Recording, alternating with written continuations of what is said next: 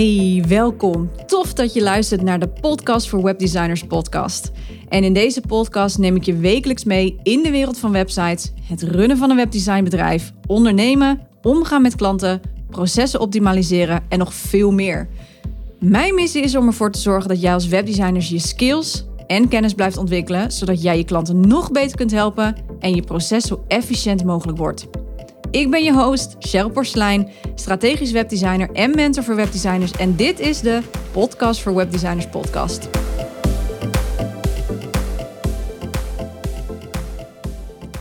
Hey, welkom bij een nieuwe aflevering van de podcast voor Webdesigners podcast. En vandaag neem ik je mee in de wereld van adviseren. En dit is iets waar ik altijd heel graag het over heb als webdesigner, maar ook tegen webdesigners zelf. Want adviseren is enorm waardevol. Daar ga ik je natuurlijk alles over vertellen. En ik weet uit ervaring en gesprekken met andere webdesigners dat wij ondernemers zijn of wij mensen zijn die heel erg graag achter de schermen werken. En wij voeren gewoon ons werk uit en als de klant blij is, dan zijn wij dat ook. Nou, in theorie is dat natuurlijk ook wel een beetje zo, maar toch heb ik gemerkt in de afgelopen jaren door de vele gesprekken die ik heb mogen voeren met verschillende webdesigners, maar ook met klanten en uh, noem het maar op, dat klanten het vaak enorm fijn vinden om advies te kunnen vragen. Maar helaas krijgen ze dit ook heel vaak niet. Te veel hoor ik nog dat uh, webdesigners te veel ja en amen zeggen. Een website in elkaar stampen binnen drie dagen en vervolgens zeggen: Dit is het, veel plezier ermee.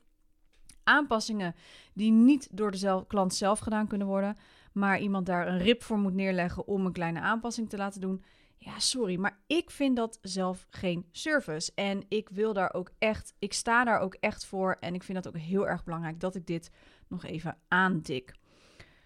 Een goede webdesigner moet kunnen adviseren. Wat is de beste oplossing? Welk CMS-systeem wordt hier geadviseerd? En nog veel meer. Nou, waarom? Omdat de ondernemers of bedrijven die naar ons toe komen geen balverstand hebben van het websites bouwen. Het is te technisch, het design wordt niet zoals ze willen, want ze hebben de skills niet om wat er in hun hoofd zit visueel te krijgen. Ze hebben vaak ook geen tijd. En ook nog zo dat het vaak allemaal nieuw is. Je ziet dat bij heel veel ondernemers. Een website is vaak heel erg nieuw. En als iets nieuw is, moet daar tijd voor worden genomen die vaak niet beschikbaar is. Of als er iets moet opnieuw worden gezet, want het kan zomaar zijn dat je een, uh, ik zit bijvoorbeeld een herontwerpkant, ja, ik heb bedrijven, ondernemers die een switch aan het maken zijn van een branding bijvoorbeeld, van hun boodschap, van hun message. Daar moet een nieuwe website bij.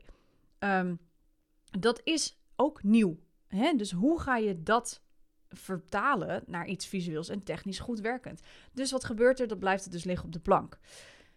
Maar voornamelijk het technische aspect en het visueel maken van een visie, dat hakt er bij veel ondernemers flink in, waardoor die website dus wordt uitgesteld. En dat is super zonde, want jij weet als geen ander hoe belangrijk een website voor iemand is. En al helemaal sinds de coronacrisis. Dus die website moet er echt gaan komen. En hier komt jouw adviseerskills om de hoek kijken. En dan denk je misschien, ja, maar dat kan ik helemaal niet. Trust me, jij kan dat echt. Maar je moet het wel willen. En je moet wel willen de klant ook te helpen. Maar dat is ook precies wat adviseren doet.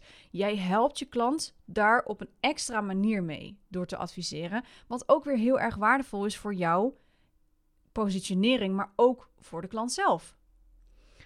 Um, adviseren kun je leren. Dat is ook de titel van deze podcast. adviseren kun je namelijk leren door deze twee dingen te gaan doen. Eén is natuurlijk heel veel ervaring opdoen.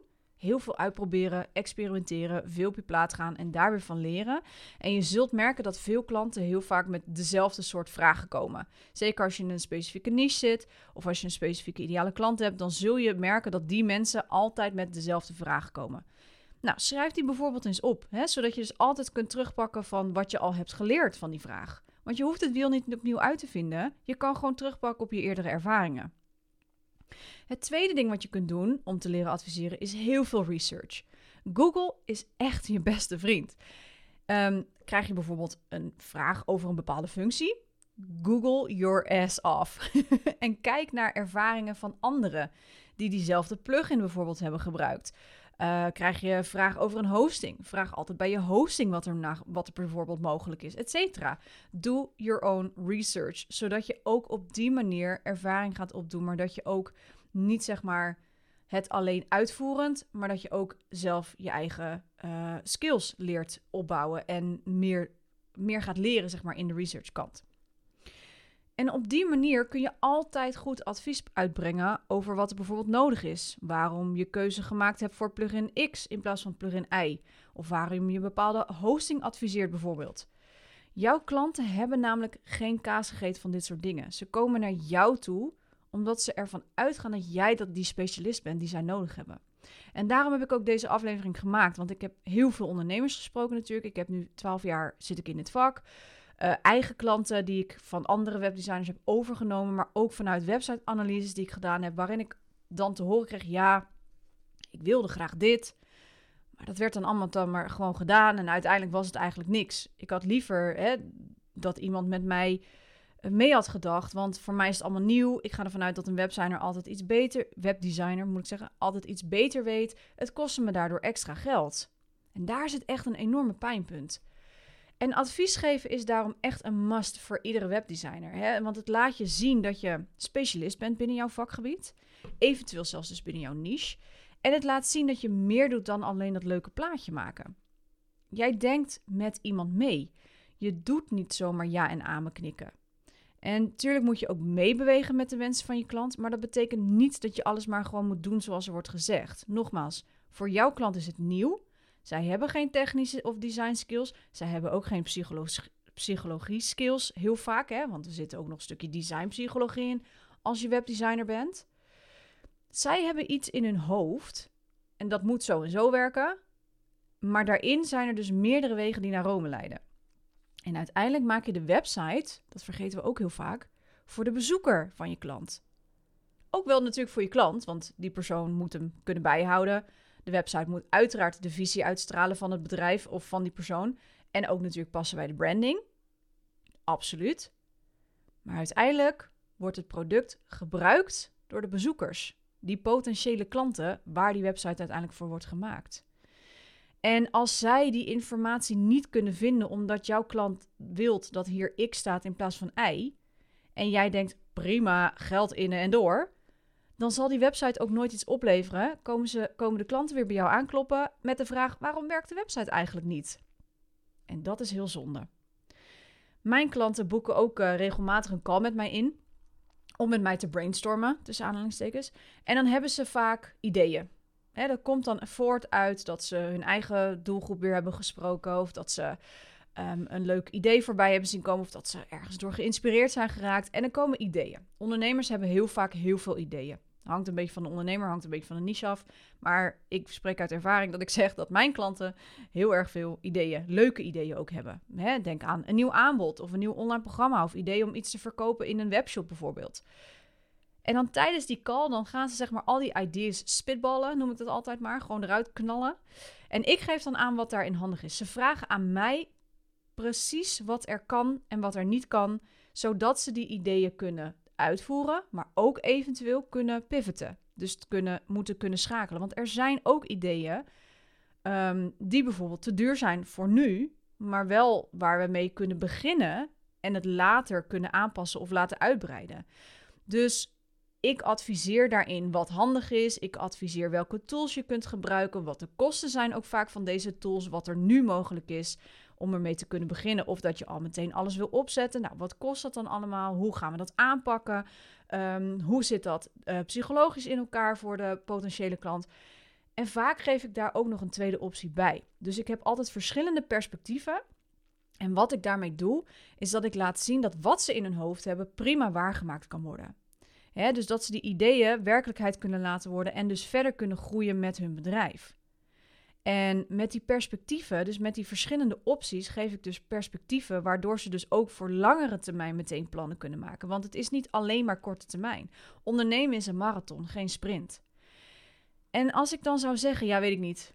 Ja, dan worden die, die, ideeën worden onderuit gehaald. En ik vind dat persoonlijk heel respectloos naar de klant ook toe. En dat hoeft niet, want je kan dit dus gewoon wel um, goed doen.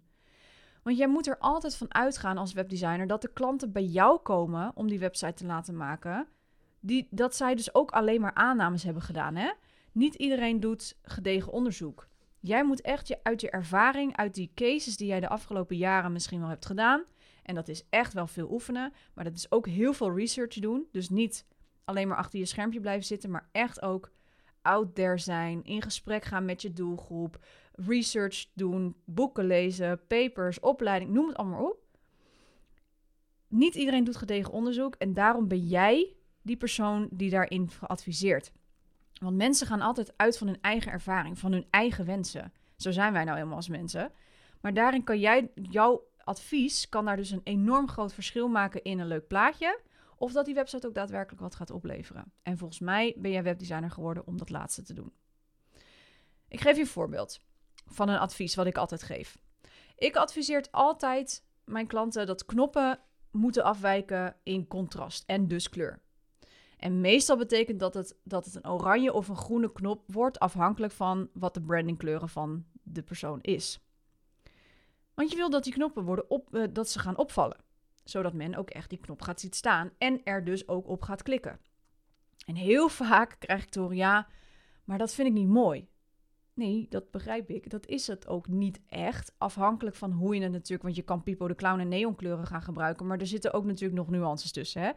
Maar ik begrijp dat oranje nou niet echt zeg maar een kleur is waar je als eerste voor kiest binnen een kleurenpalet voor vele ondernemers. Dat is nou gewoon helemaal niet echt een kleur die iets oproept bij velen. Maar als ik dan aangeef dat dit wel het advies is en dit is waarom ik dus ook een onderbouwing erbij geef met eventuele cijfers of dat ik aangeef van ja, maar ja, hè, eh, als jij geen knoppen hebt, zul je ook gewoon geen geld verdienen. Zo heel simpel is het dan merken mijn klanten: oh ja, ja, je hebt inderdaad wel gelijk. Nou, doe het dan maar toch maar wel.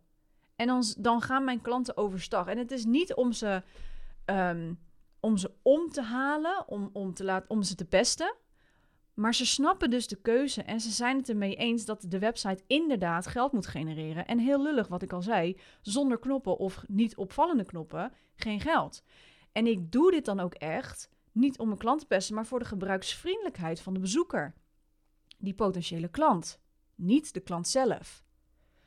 En want die vindt het niet mooi tussen aanhalingstekens. Maar het gaat dus niet alleen maar om het mooie. Het gaat er dus ook om dat je een website maakt waar die potentiële klant gebruik van gaat maken. Want die gaan dat product gebruiken. Jouw klant maakt alleen maar, zeg maar aanpassingen. Doet alleen maar aanpassingen. Uh, zet er nieuw aanbod op. Doet er een nieuwe blog op plaatsen. Maar die gebruikt de site niet zoals jouw, die klanten van hun het, de site weer gebruiken. Dus je moet altijd de eindgebruiker in je achterhoofd houden. En jouw klant is niet de officiële uh, uit, eindgebruiker. is een heel moeilijk woord is niet de officiële eindgebruiker. Dat zijn die potentiële klanten die op die website die aankoop moeten doen.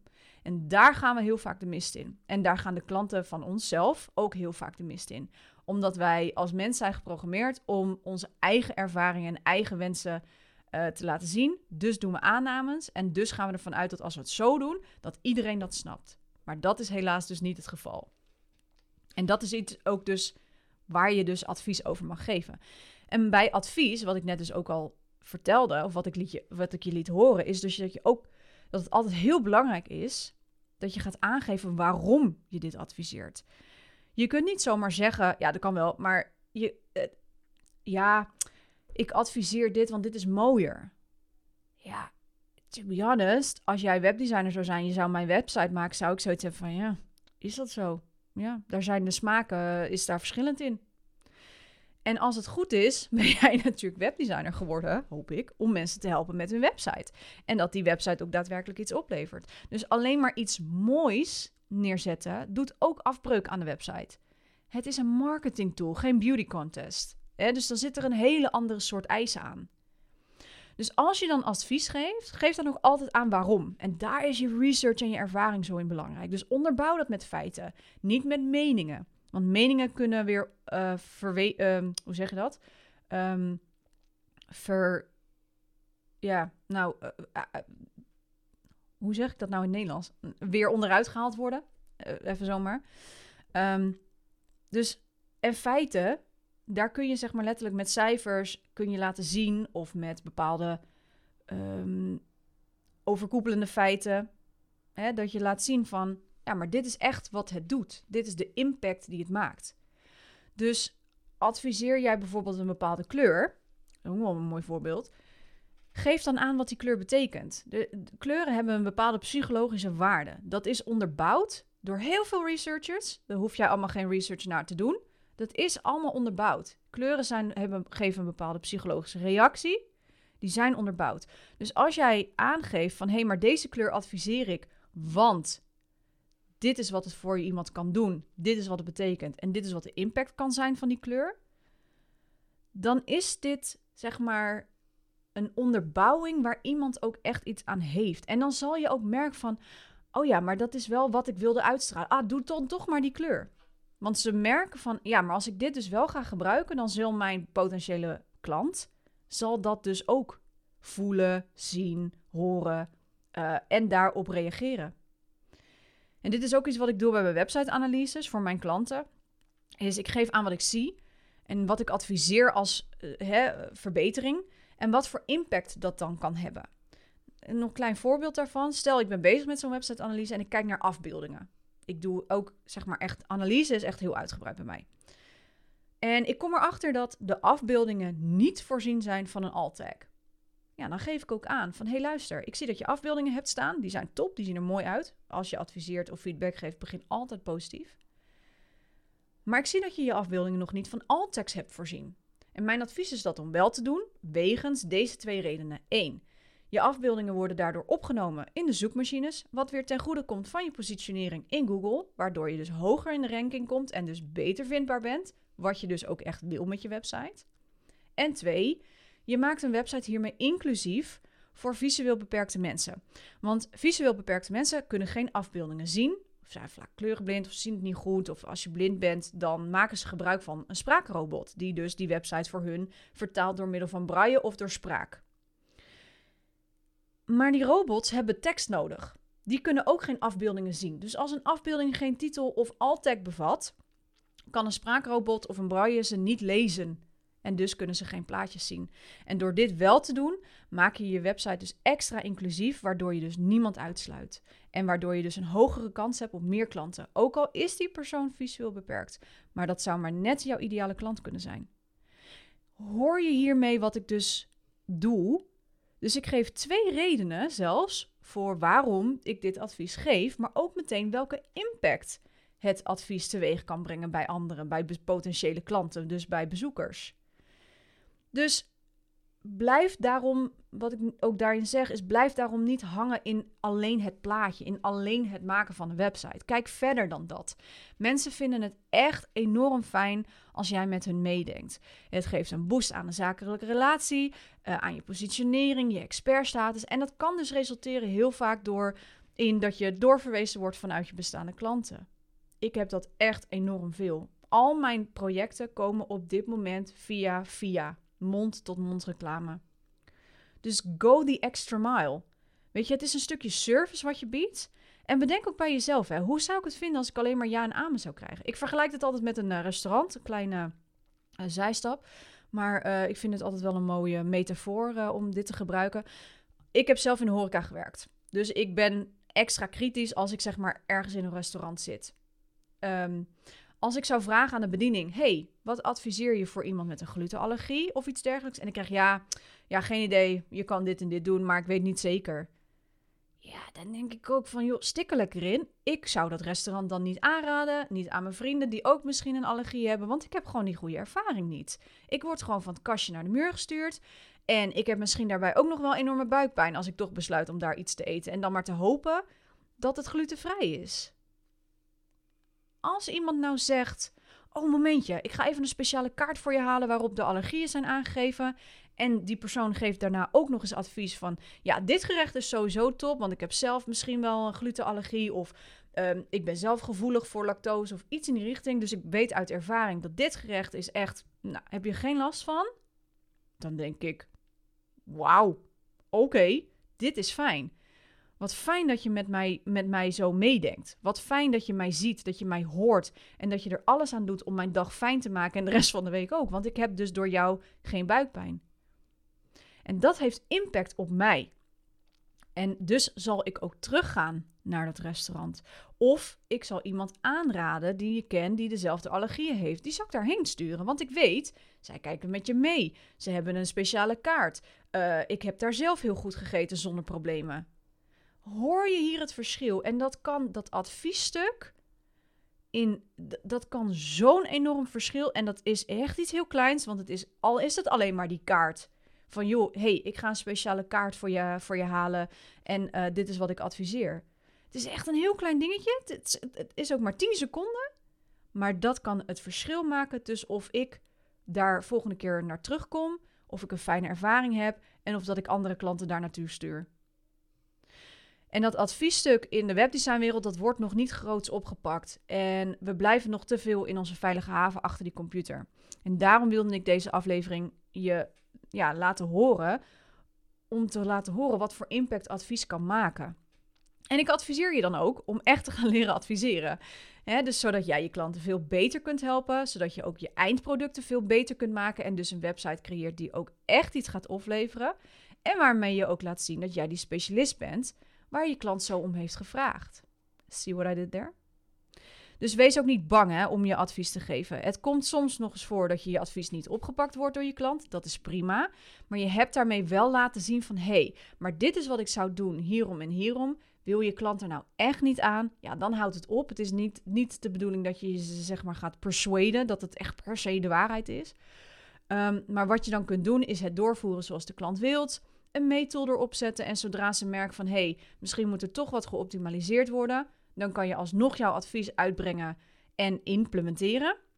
En die resultaten naast elkaar leggen en zeggen van kijk, dit is wat ik jou had geadviseerd. Deze resultaten komen eruit ten opzichte van wat jij had gevraagd. Dus hiermee heb je bewijs, en dat hoef je helemaal niet arrogant neer te zetten natuurlijk, maar hiermee heb je bewijs dat, deze, dat dit advies, dat dat inderdaad toch een betere optie was geweest dat kost de klant geld. Dat is soms hun eigen keuze, dat klopt. Maar het laat je daarmee ook meteen zien van... hey, ik hoor je, ik zie je, ik zal nu voor jou dit doorvoeren... maar weet dat het over drie maanden dat er geoptimaliseerd moet worden... en dat je alsnog met dit stuk en, uh, aan de slag moet. En als een klant dat prima vindt, is dat ook prima. Je hoeft het niet door de neus te boren. Het is niet de bedoeling dat je dit van, nou, je moet het nu doen, uh, zo. Een advies is een advies. Advies is altijd vrijblijvend. Maar het kan dus echt wel een verschil maken bij je klant, maar ook in de website zelf.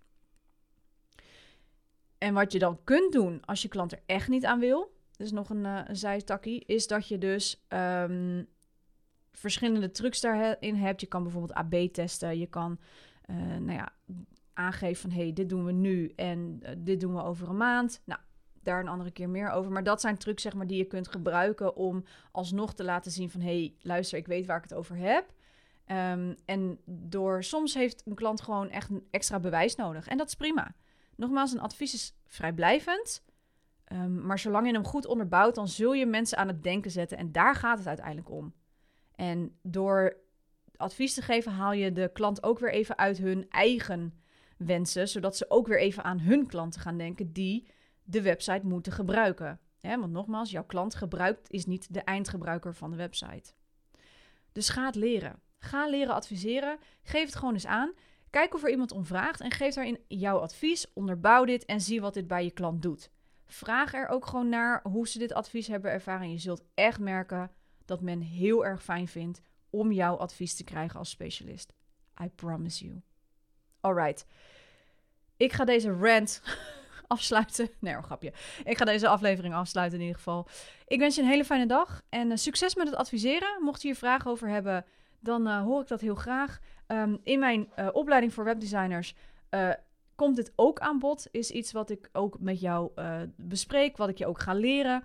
Um, dus mocht je hier meer over willen leren, dan zou ik zeggen, check even de opleiding. de, show, de link staat in de show notes, dus dan kun je dat even bekijken.